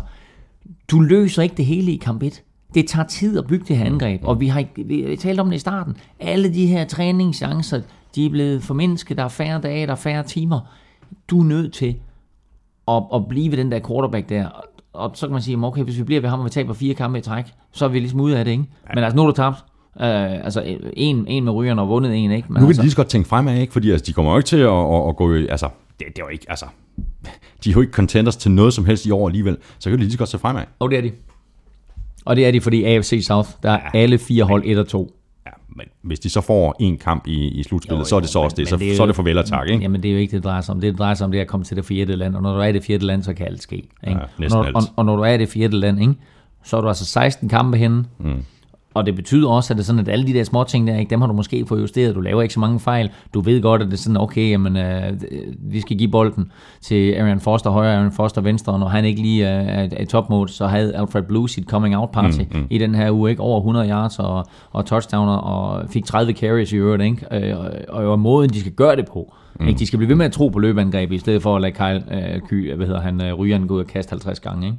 Og nu nævner du faktisk lige øh, Aaron Foster. Han er, det sidste jeg har set, det er, at han er game time decision Præcis. øh, mod Falcons Så hvis man på, spiller øh, på søndag. fantasy, football, sørg for at holde øje øh, på diverse fantasy sites, og selvfølgelig ind på Google Klud. Spiller Aaron Foster, eller spiller han ikke? Vi bliver nødt til lige at runde øh, James Winston. Nej. Øh, jo, okay. bare lige ganske kort. Øhm, han ligner øh, en rookie, en talentfuld rookie, der er gode ting og dårlige ting. Altså, mm. han undslipper faktisk øh, J.J. Watt på, øh, på, på et spil, og så tager han en, god, øh, en del gode beslutninger, øh, står godt i lommen, synes jeg, og så går aggressivt ned ad banen og har, har nogle, nogle, nogle gode øh, completions på, mm. på mellem 20 og, nogle og, og, og 30 yards. Øh, så kaster han så også en, en rigtig grim interception i anden halvleg. Jo, jo, men det er der mange, der gør, inklusive Andrew Luck. Ja. Øhm, men, øh, men det, jeg vil sige om ham, det er, nu har, nu har han jo desværre mistet det her, det her tight end mål, der hedder Austin uh, Safarian Jenkins, ikke, som er ude i en tre uger endnu. Øh, men Mike Evans var tilbage, øh, og så god ud. Øh, og når Safarian Jenkins kommer tilbage, så har han pludselig to store mål at kaste til. Det vil hjælpe ham. Han er faktisk lige nu, og han er rookie, og han ligner meget mere en rookie end, end Mariota, men han, han er den eneste quarterback lige nu af de startende 32, som har kastet, som har ramt på under 50% af sin kast. Mm. Øh, og det er ikke, øh, altså, det, det, det er en statistik, der skal arbejdes på i, i, i nutidens NFL, hvor der er så stor fokus på kastangrebet, og hvor alle kast jo ikke går ned af banen øh, 20-25 yards længere, men bare sådan 3-5 yards mm. øh, range, ikke? eller måske bare et, et kast sidelæns, og så lader receiveren arbejde på det. Ikke? Så, så det er klart, at det skal op det der. Øh, og så må man bare sige, ikke, altså, det går stærkt spil i NFL. Og du kan mærke på ham i situationer, at øh, det også går for stærkt, mm. og at han ikke er vant til at se de der forsvar, som han er op mod nu. Men jeg synes, du har fuldstændig ret, at den ro, han besidder i lommen, og hans evne til at mærke presset, mm. det er ikke noget, du kan lære. Det er noget, du skal have. Mm. Og det har han. Så hopper vi videre til noget, som du rigtig gerne vil øh, tale øh, meget længere om, øh, Claus. Det er Patriots mod Jaguars. Nej, det er, Er det? Vikings mod Chargers. 31-14. Øh, tillykke med det. Ja, dejligt. Øh, AP, han øh, lignede stort set sig selv. Vi var lidt inde på det i sidste uge. Mm. Han har den her burst, han har den her speed. Han ja. kan måske ikke holde den. Altså, han løber ikke fra folk, som han gjorde for fem år siden. men han gjorde det imod Chargers. Mm. Han havde det der touchdown der på par 40 yards, ikke? hvor han kommer ud, og så typisk Adrian Peterson, ikke? bryder en tackling på line of scrimmage, så løber han lidt sidelæns, som ellers er total no-no for running backs, men han kan, kommer han ud, så sætter han en stiff arm på en forsvarsspiller, som, som aldrig nogensinde ved, hvad der ramte ham. Og så tilbage ind i, i banen og score det her lange touchdown, ikke? hvor han løber fra alle, alle Seahawks-spillerne, ikke? eller undskyld, øh, Chargers-spillerne. Og øh, det var ønsketænkning det andet. øhm, og der, der ligner han selv. 126 yards, to touchdowns øh, og omdrejningspunktet for Vikings angreb. Øh, virkelig, virkelig stærkt. Og så må vi sige et forsvar, som alle de ting... De blitzede jo konstant. Ja, de ødelagde jo fuldstændig alt for, for Philip Rivers og hans uh, short passing game. Ikke? og, og alle de ting, jeg havde håbet på for, øh, for, for Vikings forsvar. Øh, og især fordi, vi, altså Mike Zimmer, vi har den her øh, tidligere øh, Bengals-træner ikke inde som, som, som øh, head coach nu, ikke, og har stille og roligt bygget et, et forsvar, som han byggede i, i Bengals. Det lignede et rigtig, rigtig godt forsvar. Fire sacks på Philip Rivers, fremtvang en fumble, fik en interception også, øh, som Chad Greenway returnerede faktisk hele vejen til, til touchdown, mm. 91 yards. Ikke? Ja. Øh, der var rigtig, rigtig mange positive aspekter. Så jeg er glad. Men øh, kan du forklare mig, hvorfor de ikke bruger øh, Kyle Rudolph mere? Øh, det overrasker mig faktisk. Ja, og, og, og altså, der er mange ting om, omkring Teddy Bridgewater. øh, som, som han var blandt de allerbedste quarterbacks i de sidste seks kampe sidste år. Øh, det niveau har han ikke levet op til endnu i år. Og en af de ting, der skal ske, det er selvfølgelig, at, at han skal begynde at, at ramme Kyle Rudolph. For begynder han at ramme Kyle Rudolph, så bliver der altså lidt mere plads, både til de andre receiver, og også til Adrian Peterson. Og mm. vi har talt om det her med, med, med, med, med, med dygtige tight ends, øh, som er svære at gardere sig mod lige nu i NFL. Og Kyle Rudolph er faktisk en af de der drenge der. Når det så er sagt, så taber Kyle Rudolph det mest stensikre touchdown, han nogensinde kommer til at få i hænderne. Hvor, hvor øh, en lidt sjov bold fra, fra Teddy Bridgewater ned i endzonen, som lander midt mellem øh, tallene på, på Carl Rudolphs trøje, eller totallet der, ikke? Og, og, og lige, ned igennem, øh, lige ned igennem armene på ham. Ikke? Vi, vi plejer at kalde det der en three-pointer, ja. øh, når, når da vi spillede fodbold, ikke, du ved, fordi det var en basket, ikke, du ved, lige ned igennem kurven. Ikke? Mm. Øh, og, øh, og det der, det må han altså ikke. Så, så det er også et spørgsmål om, du ved, at han griber de der bolde der, og giver Teddy Bridgewater selvtillid at kaste til ham. Bare lige for at runde kamp med, øh, Aarhus Chargers. Øh, Keenan Allen har en drøngod kamp, øh, 12 catches for 133 yards og to touchdowns. Og så tager de jo så Philip Rivers ud i fjerde kvartal, øh, da de er nede med, ja, jeg mener, det, det, det er 24 mm. point. Det er vel meget fornuftigt af Chargers at tage, tage Philip Rivers ud på det der tidspunkt. Han har, han har fået, fået tæsk, og så bare ud med dig, fordi vi har alligevel ikke nogen chance for at vinde den her kamp. Og så ja. ind med Kellen Clemens, ikke? Jo, men det er, altså, det, lige så vel, øh, som vi talte om, at man skulle have taget Carson Palmer ud for at beskytte ham, så lige så overrasket er jeg over, at de tager, at de tager Philip Rivers ud her, men ja, han havde fået tæsk, øh, og der er ingen grund til, at han skal stå derinde længere, fordi mm. på den måde, hvor de var tvunget til at kaste, så kunne Vikings jo også bare sætte en hele lortet mm. Så, øh, så, de, så de beskytter ham lidt ved at, ved at tage ham ud, men øh, det var ikke nogen god kamp af Chargers, øh, hverken angrebsmæssigt eller forsvarsmæssigt. Og, og det skuffer mig, fordi jeg havde egentlig store forventninger til Chargers. Man kan ikke lægge en skid i preseason, men jeg havde set Chargers i preseason, og jeg synes, der var nogle tendenser, som, som indikerede, at det her det faktisk mm. kunne være et, et mandskab, der kunne øh, spille mere om divisionstitlen. Øh, især fordi vi ikke helt vidste, hvor, hvor vi havde øh, Denver Broncos og Peyton Manning hen jo, ikke? Det er der bare ikke. Der skal ske et eller andet. New England Patriots øh, vinder med 51 17 over Jacksonville Jaguars. Uh, Patriots de har bye week i den kommende spilrunde, og så de kan så holde en, en velfortjent uh, pause 3-0. Uh, Brady's hævnkaravane kører bare videre, og helt ærligt, altså Patriots pondede ikke en eneste gang i den her kamp. 8 angrebsserier, 5 touchdowns og 3 field goals. Det, det, er simpelthen skræmmende, det er simpelthen skræmmende at se på. Ja, øh, jeg tror faktisk, var det ikke ni angrebsserier, de scorede på. Øh, det, det kan godt være. Ja, det, det er lige meget, men altså, hvad hedder det... Brady er uhyggelig. Øhm, og kom ikke bare, altså ikke bare, ikke bare en, en overlegen, knusende sejr, øh, kom jo også i, i den her 400 touchdown klub, hvor mm. han jo som en af bare øh, fire quarterbacks nu har kastet 400 touchdowns. De tre andre er selvfølgelig legenderne som Manning, Brett, Brett Favre, Favre og Dan Marino, mm. og vel mærke Peyton Manning, ikke Eli Manning. Men altså, det er jo nogle store navne, han er, han er i, i en lille øh, gruppe med det, ikke en eksklusiv klub. Så du hørt, hvad Daniel Mendola gjorde ved, ved den her... Ja, bold, bold nummer 400, som skulle være i trofæskabet et eller andet sted, ikke? Ja, eller bare sendt til Canton, Ohio, eller et eller andet, eller givet til Raiders, ud til ja, ja. tilfældige tilskuere. Ja, ved du, hvad der så skete? Nej. Der blev sendt en bolddreng ned og hente den. Okay. Så den er, de har den nu, Patriots. Ja. Ikke? Så den kommer et eller andet sted hen. Men der stod en tilskuer, der sagde, it's ball number 400. Kommer der og sagde, giv mig den der. og når vi siger bolddreng, ikke, du ved, så er det ikke sådan en, en 12-årig dreng, der er en lille putspiller, som i Danmark vel. Så er det altså sådan en, du ved, som har ansvaret for det der. Og der har de, NFL-holdene har jo sådan en stor kasse på sidelinjen med forskellige ting i. Øh, og de der bolde, når, når det sker, så er der simpelthen gjort klar til, Altså, lad os sige en quarterbacks første touchdown kast, eller en receivers første touchdown, der bliver grebet, en running backs, og alle de der ting, der er et forsvar, så videre, så videre, ikke? Og så har de simpelthen en kasse, hvor de lige tager de der bolde der, og så bliver der lige sat en eller anden form for klistermærke på, hvor der står, det her det var Brady's mm, touchdown kast mm. nummer 400, og så ryger den ned i den der kasse der, og hvor den så ryger hen, om den ryger i, i Patriots egen Hall of Fame, eller den ryger til Canton, hvor, hvor, øh, hvor NFL har deres Hall of Fame, eller hvad der sker med den, det må vi se. Men bolden er lige nu i Patriots besiddelse. Claus, øh, nu, nu lavede vi jo nogle øh, fremskrivninger på, øh, hvor mange catches Julio Jones mm. kunne få i løbet af sæsonen, og Antonio Brown. Hvis Brady og Patriots fortsætter sådan her, så kommer Brady til at kaste 5.931 yards, score 48 touchdowns, og en completion rate på 72,1% og en passer rating på 119,6. Mm. Og, og alle de der tal, der de er fuldstændig vanvittige, øh, de, de kommer heller ikke til at holde øh, igennem hele sæsonen. De kommer til at møde andre hold end Jaguars. De kommer til at møde hold, som man altså vil sige, den måde, det er sådan, at de jo kørt fuldstændig over Buffalo Bills på. Præcis.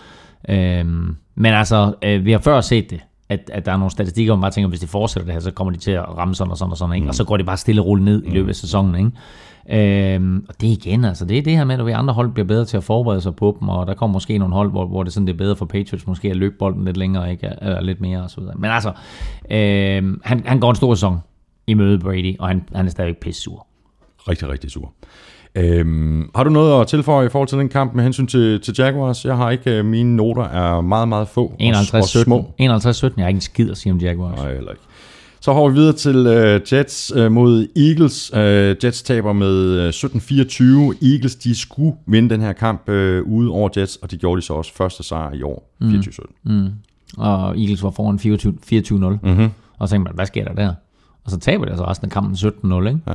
Øh, Jets kom for sent i gang, og Jets, og især Brandon Marshall, lavede nogle helt forfærdelige spil i den kamp der. Et, han havde sådan en, hvor han griber bolden, og så laver han jo total no-no. Det er sådan noget, du gør til aller, aller sidst i kampen, hvis det er pinedød nødvendigt, at du, skal have point på tavlen. Han griber bolden, og så kigger han efter en medspiller, der han er ved at blive taklet, og prøver på at kaste den op til medspilleren, og så er det modspiller, der får fat i den, ikke? og pludselig så er det en fumble, øh, ja. og, og Eagles har bolden. Det er jo en total momentum killer.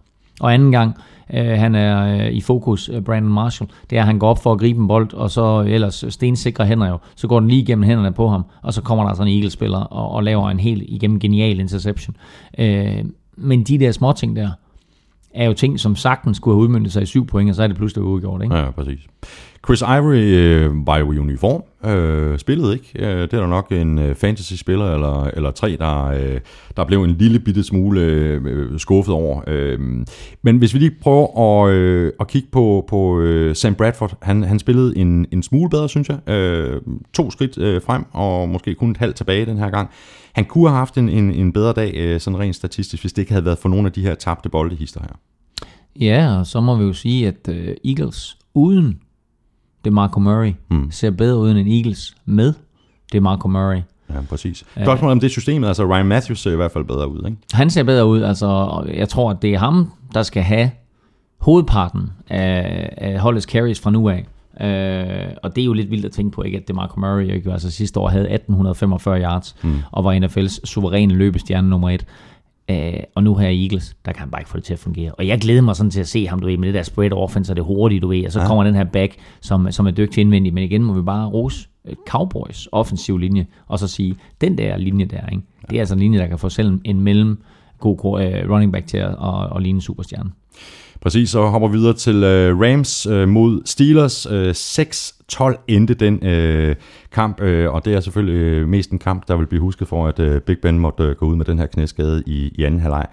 Og i øvrigt, at øh, kampen kom for sent i gang, fordi der var noget, øh, det der fyrværkeri der, der havde sat ild til banen, ikke? Jo, men altså for det første, okay, der, der går lidt ild i banen, ikke? Men hvorfor skal kampen på grund af det forsinkes 25 minutter? Altså, det er ikke, det er ikke sådan, så, det er ikke sådan, så hele stadion skulle rømmes, vel? Altså, der er sådan en, en lille, altså, hvad, hvad snakker vi? 25 kvadratcentimeter, der er ild i, ikke? Altså, og så skal de ind, og så skal de stå og sprøjte lidt der, og så skal der øh, fejes, og så skal det fejes op, og så skal det over, og så skal det... Det kan være et eller andet med player safety, eller et eller andet, ja. et eller andet med, der var glat der, eller et eller andet, hvad ved jeg? Det var uden for banen, var ikke på banen.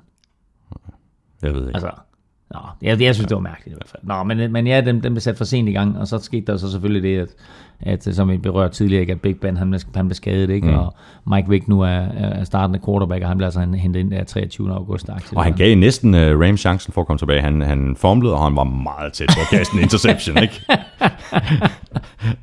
jo, det gjorde han.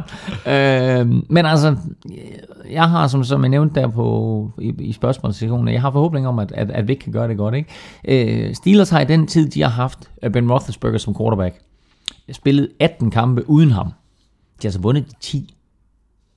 Ikke? Så mm. 10 ud af 18 kampe har de mm. vundet.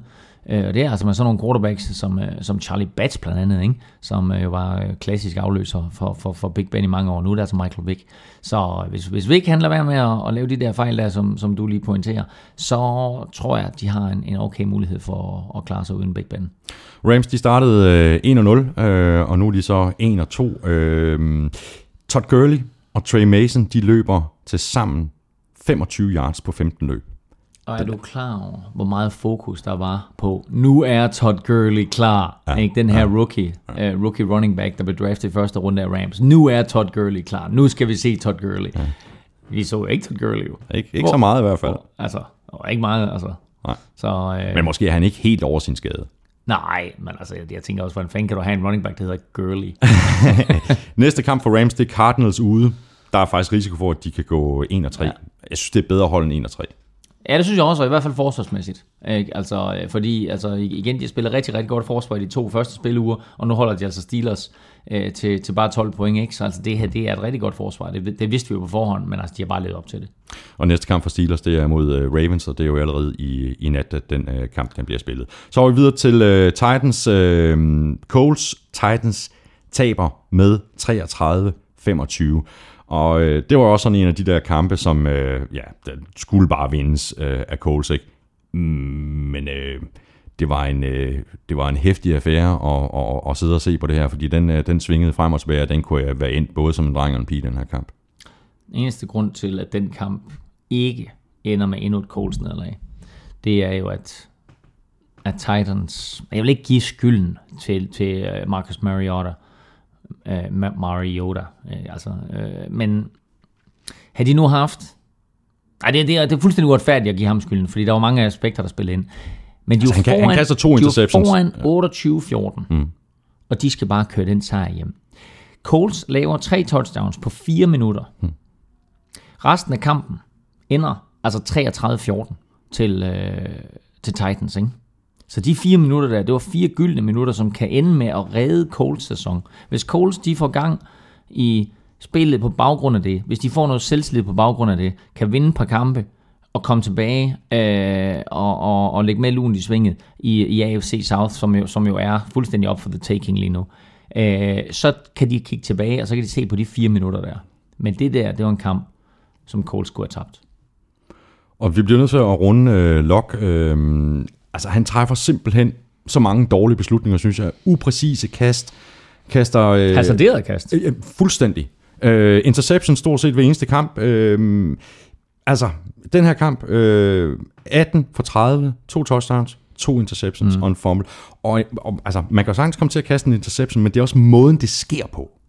Altså, som du selv siger, ja. det er hasarderet kast. Mm, det er det. Og han, burde, jo alt, han burde, burde jo være alt for klog og rutineret til at lave de kaster. Det virker som om, han er desperat og skal ud og bevise sig selv, at øh, nu kører det. Men ved du, hvad det minder mig om?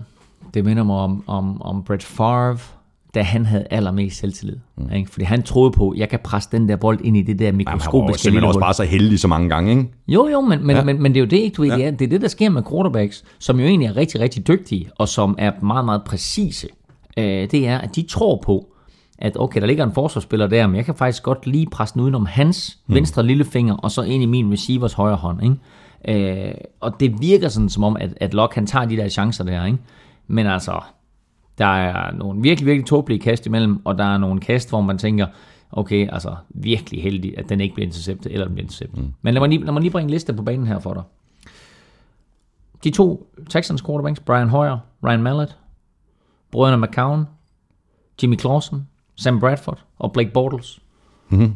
Og så i øvrigt Det er en 25, god, det er en god liste, var. og så i øvrigt 25 andre quarterbacks. De er alle sammen rangeret bedre passer rating, end Andrew Luck er. Nej. Af alle startende quarterbacks indtil videre i sæsonen, der er Andrew Luck rangeret dead fucking last. Han er sidst i passer rating. Der er noget at arbejde på. Andrew Luck.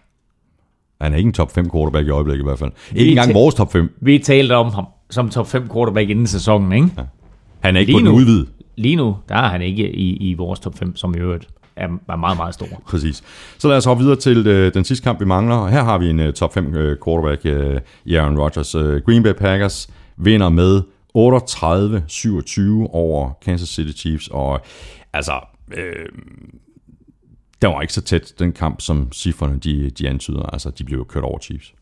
Ja, jeg er nødt til lige at sige 38-28, fordi der var 10 point imellem dem. Hvis de havde scoret en 2-point conversion, så kunne de faktisk være, være, være kommet inden for øh, 8 point. Øh, men den sidste 2-point conversion lykkedes dem ikke. Øh, og, man, og, og selvfølgelig stor ros til Packers, fordi de, de kørte dem fuldstændig over.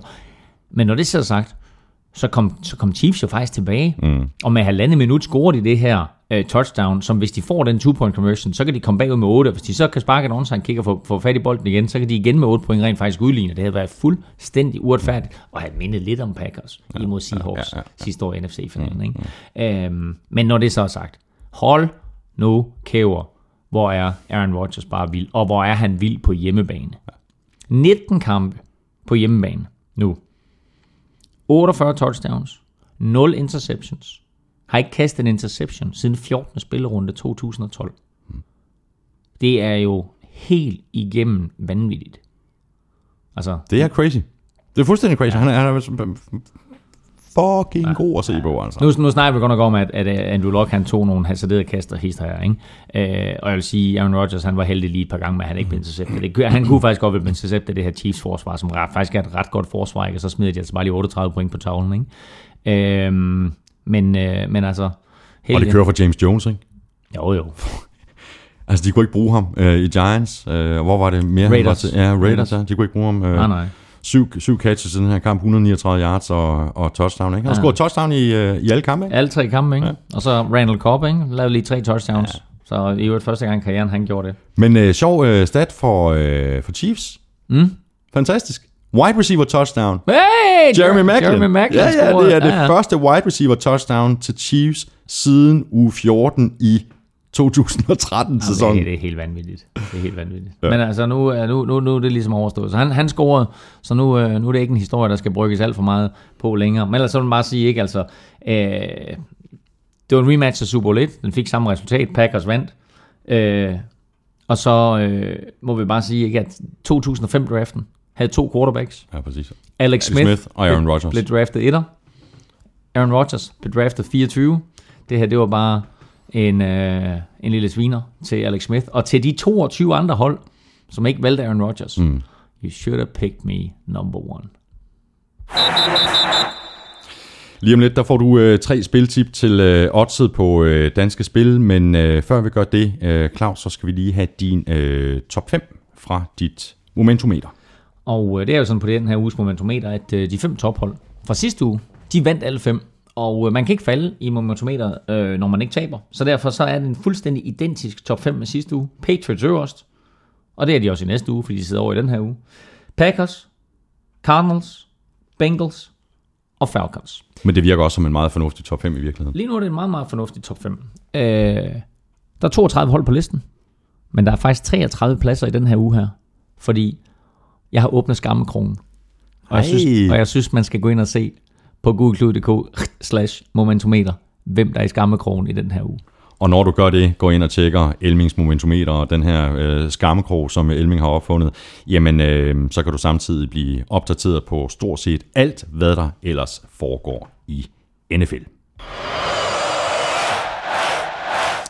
Show me the money, siger jeg bare, før vi kigger frem mod kampene i øh, spil uge 4, øh, og kommer med vores bud på, hvordan de ender. Show me the money! Så har du nogle øh, spiltips til øh, oddset på, på, på danske spil, øh, Claus. Øh, jeg sætter jo en 10 på alle dine bud, øh, som du kommer med her i podcasten, og status er, at jeg efter uge 2 var oppe med den svimlende sum af 4 kroner. 70 kroner ud, 74 kroner ind. Nå, men man kan jo gange det med, hvad man vil. Altså, ja, ja, ja.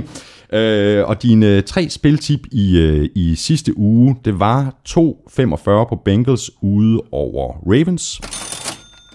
1,92 på Steelers ude over Rams. 1,43 på Cardinals over 49ers.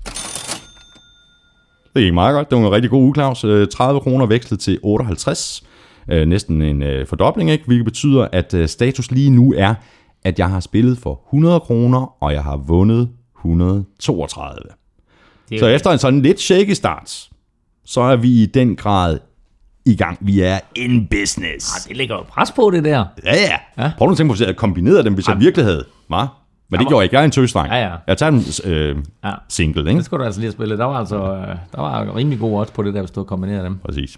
Nå. Spiltip. Spiltip Vi skal jo den kigge her- frem. Det, det, du går ikke bare hvile på laverbærene og så sige, se hvad nej, jeg nej, kunne. Nej, nej, desværre. Vi skal have Og- nogle og, nye tip. Og, og derfor, fordi at, at jeg rent faktisk for en gang skyld havde så stor succes, som jeg havde i sidste uge, og mere eller mindre ramt på alt, så, øh, så har jeg også kigget på øh, altså, nogle, nogle, nogle spiltips til den her uge, men jeg synes, den her uge er mega vanskelig.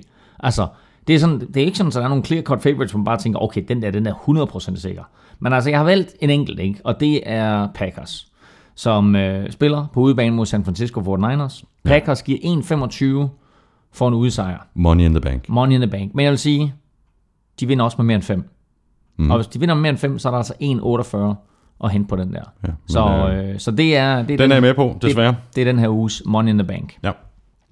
Så øh, har jeg øh, en overraskelse i den her uge, som jeg vil sige ikke nødvendigvis er så stor en overraskelse igen. Men altså Buffalo Bills har selvfølgelig overrasket alle positivt. Men Giants har spillet godt. De har ført i fjerde kvartal alle tre gange. Eli Manning er solid. Det her det er et godt hold, Giants. De er bare desværre kun 1 og 2. Men Giants giver altså 3,5 igen for en sejr over Buffalo Bills. Ude mod Ude. Bills. 3,5? Mm. Jeg synes, det er vildt odds. Så, øh, så det, er, det, det er min helt klar overraskelse Okay. i, i den her uge. Det er altså, Jeg er med på den. Det er Giants ude. Og så, øh, så har jeg en, som jeg kalder ugens bedste bet. Og øh, der må jeg sige, at øh, Colts på baggrund af deres sejr er store favoritter imod Jacksonville Jaguars. De giver kun 1,23 igen, mens der er 94, 4,90 for en sejr til, øh, til Jacksonville. Jeg siger ikke, man skal spille Jacksonville, men jeg siger bare, det er ikke umuligt, at Jacksonville de vinder 4,9 mm. for en Jacksonville sejr. Okay, fair nok. De vinder ikke den kamp, men de tager jo heller ikke med 13. Der er 1,58, hvis Jaguars de ikke taber med 13. Så det, det er den her uges tre bets. Fantastisk. Øh, tre spiltip fra dig, Elming, øh, som du altså kan benytte dig af inde på oddset på Danske Spil. Fuldstændig ligesom jeg selv gør det. Og husk øvrigt, at øh, du også kan spille tips 12 og lave en kupon med en af NFL-kampe hele vejen gennem grundspillet, hvis du hellere vil tippe en oddse. Og Claus, nu skal vi til at vælge kampe for uge 4. I sidste uge, der ramte jeg rigtigt i, 11 kampe. Du ramte til gengæld øh, 13 kampe, det er bladet. Øh, jeg fører med 29-27 samlet. Du havde en lidt, øh, en lidt øh, øh skidt øh, startuge, og- hvor du ramte øh, fire færre end mig. Nå, det er tæt det her, så nu øh, bliver jeg nødt til at, at tage mig sammen. Det er aldrig øh, rart, det der med at, at blive pustet i nakken. Øh, Spil uge 4 begynder i nat med kampen mellem øh, Steelers og Ravens. Øh, vi går bare i gang, vi tager den fra en ende af. Steelers, Ravens, Steelers. Ved du hvad, jeg er så meget i tvivl den her. Ja, det er jeg også. Men det er jo rigtig mange af dem her. Ja. Men ved du hvad? Ja, og jeg er meget i tvivl om ham også. Nå, du tager Steelers. Ja. Okay, så bare for at lægge lidt pres på. Ej, Så tager du også Steelers. jeg er virkelig i tvivl. Jeg er virkelig i tvivl. Nej, ved du hvad, jeg tager, altså, jeg, jeg, prøv, jeg vil lige sige noget med odds. Fordi Steelers giver altså 2,35 for en hjemmesejr. De starter Michael Vick, det er klart, det er derfor. Ja. Så er der pludselig gode odds på dem. 2,35 for en hjemmesejr til Steelers i det her legendariske opgør. Ja, hvor der kommer til at se 68.000. Og hvor Ravens på, er på nede med 0-3, og de skal vinde den her kamp, hvis ja. de skal i gang, ikke? Og, og altså 8 ud af de sidste 10 opgør mellem de her to klubber er endt med et field goal eller mindre. Ja. Øh, så øh, 2,35 på Steelers er et godt odds. Gå i øvrigt lidt ind på dansk spil, fordi øh, der er en masse specials på kampen til nat også. Hvem scorer første touchdowns? Hvor mange touchdowns laver Michael Vick? Øh, altså hvis, øh, hvis, hvis Vick han øh, scorer første touchdown, så giver han faktisk odds 20. Wow. Wow. Ikke? Altså, Ja, okay. det er sådan, det er sådan lidt crazy, ikke? Nå. Øhm, jeg siger Steelers. Dolphins, Jets. Jets. Jets. I øvrigt i London. Oh, og kan vi lige pointere der? Søndag er jo stor NFL-dag. Er du klar over, at du kan sætte dig ned ved dit fjernsyn fra kl. 15.30, og så kan du se fodbold indtil kl. 6 næste morgen. Ja, det er crazy, ikke? Det er- det er ikke op med sådan en London-kamp. Så dejligt. Ja, ikke? Sådan. Og det er jo fordi, de spiller øh, i London. Øh, og øh, man kan selvfølgelig se den enten via, via Game Pass, eller formodentlig på, på tv et eller andet sted. Vi sagde begge to Jets, ikke? Jets, Ja. Colts, Jaguars, Colts. Colts, Bills, Giants. Jeg siger altså Bills. Giants, Interesting. Mm. Buccaneers, Panthers. Panthers. Panthers. Redskins, Eagles. Eagles. Og ved du hvad, igen. Den er rigtig svær, ikke? En af de der kampe der, ikke? Ja. Og jeg siger altså, men, men, men det vi talte om med Kirk Cousins tidligere, ikke? Altså, det er ikke en umulig kamp for Redskins at vinde. Men jeg siger også Eagles. Godt. Så har vi uh, Bears, Raiders. Der siger Raiders. Jeg siger også Raiders. Um, Falcons, Texans. Falcon. Falcons. Bengals, Chiefs. Bengals. Bengals. Men prøv igen. Ja, ja. Ej, men okay, jeg siger Bengals også. Chargers, Browns. Chargers. Chargers. Uh, 49ers, Packers. Den burde bare... Ja, Packers. Ja, Packers. Cardinals, Rams. Cardinals. Cardinals. Broncos, Vikings, Broncos. Broncos. Saints, Cowboys, Cowboys. Cowboys. Seahawks, Lions, Seahawks. Jamen, øh, ah, vi er forholdsvis enige. Var der, var, var der to eller tre kampe uenige? Jamen, det er jo nok, hvis, øh, ja, Ja, ja. ja. hvis du bliver ved med at hente, hente Ja, to, præcis, to hver præcis, uge. Ikke? præcis. Ja. Hvilke kampe glæder du dig mest til den her spillerunde? Ja, det er klart, altså Broncos mod Vikings øh, kl. 10 på søndag øh, er selvfølgelig en kamp, som jeg skal se. Ikke? Altså, mm. Uanset hvad der bliver vist i fjernsynet, ikke? Altså, så, så ser jeg det, Vikings via Game Pass, ikke? så har jeg det helt store line-up, ikke? Altså med noget på iPad'en, og noget på tv'et, og noget på computeren. Og så sidder du der i dine Vikings natbukser. Ja, det er, altså, nu, nu er den ikke sent nok til at have Vikings natbukser på, men ja, det kunne jeg godt finde på. øh, nej, altså, øh, og, så, og så må jeg sige, altså Bills mod Giants. Jeg synes, Bills mod Giants mm. er en rigtig, rigtig fed kamp. Jeg glæder mig til at se, Øh, altså Bills, som de kan fortsætte de her positive tendenser, og så må jeg sige, altså Giants øh, altså, er sådan et hold, ikke? Altså også med den måde, det, det lige nu kører på i, øh, i øh, NFC East der, ikke? Altså med, med, med Giants, Redskins, Eagles og Cowboys, ikke? Altså det her, det er en division, som Giants øh, bør tage nu. Jeg glæder mig også til Redskins Eagles, og jeg glæder mig til Cardinals Rams. Øhm, Ja. Det kunne blive en, en, en monsterkamp i, uh, i NFC West. Det er Ikke? sådan en, der går ondt bare at kigge på. Ja, præcis. Det var det for i dag, øh, Claus Elming. Øh, ja, øh, det har været en, en fornøjelse. Vi er tilbage igen på øh, næste torsdag. Hvis du synes om det, du har hørt, så smut lige omkring øh, iTunes og smid en øh, anmeldelse. Du kan følge os på øh, Twitter på øh, snabelag NFL-showet, og det er også der, du kan stille spørgsmål med hashtag NFL-showet. Hvis du hellere vil gøre det på mail, så kan du komme i kontakt med os på mail.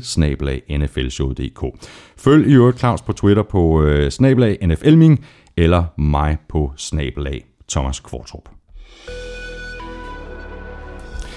NFL-showet er produceret af Kvartrup Media, der også producerer Born Unplugged, der handler om dansk politik, så må ikke vi kommer til at tale lidt om Karl Holst og Peter Christensen i morgen. Du kan lytte til NFL-showet på SoundCloud, på nflshowet.dk og på gulklud.dk, og så selvfølgelig i iTunes, hvor du bare skal trykke på abonner, så lander der en ny udgave af podcasten på din telefon hver eneste uge. Vi er tilbage igen på torsdag i næste uge. Ha' det godt så længe. Hot hot.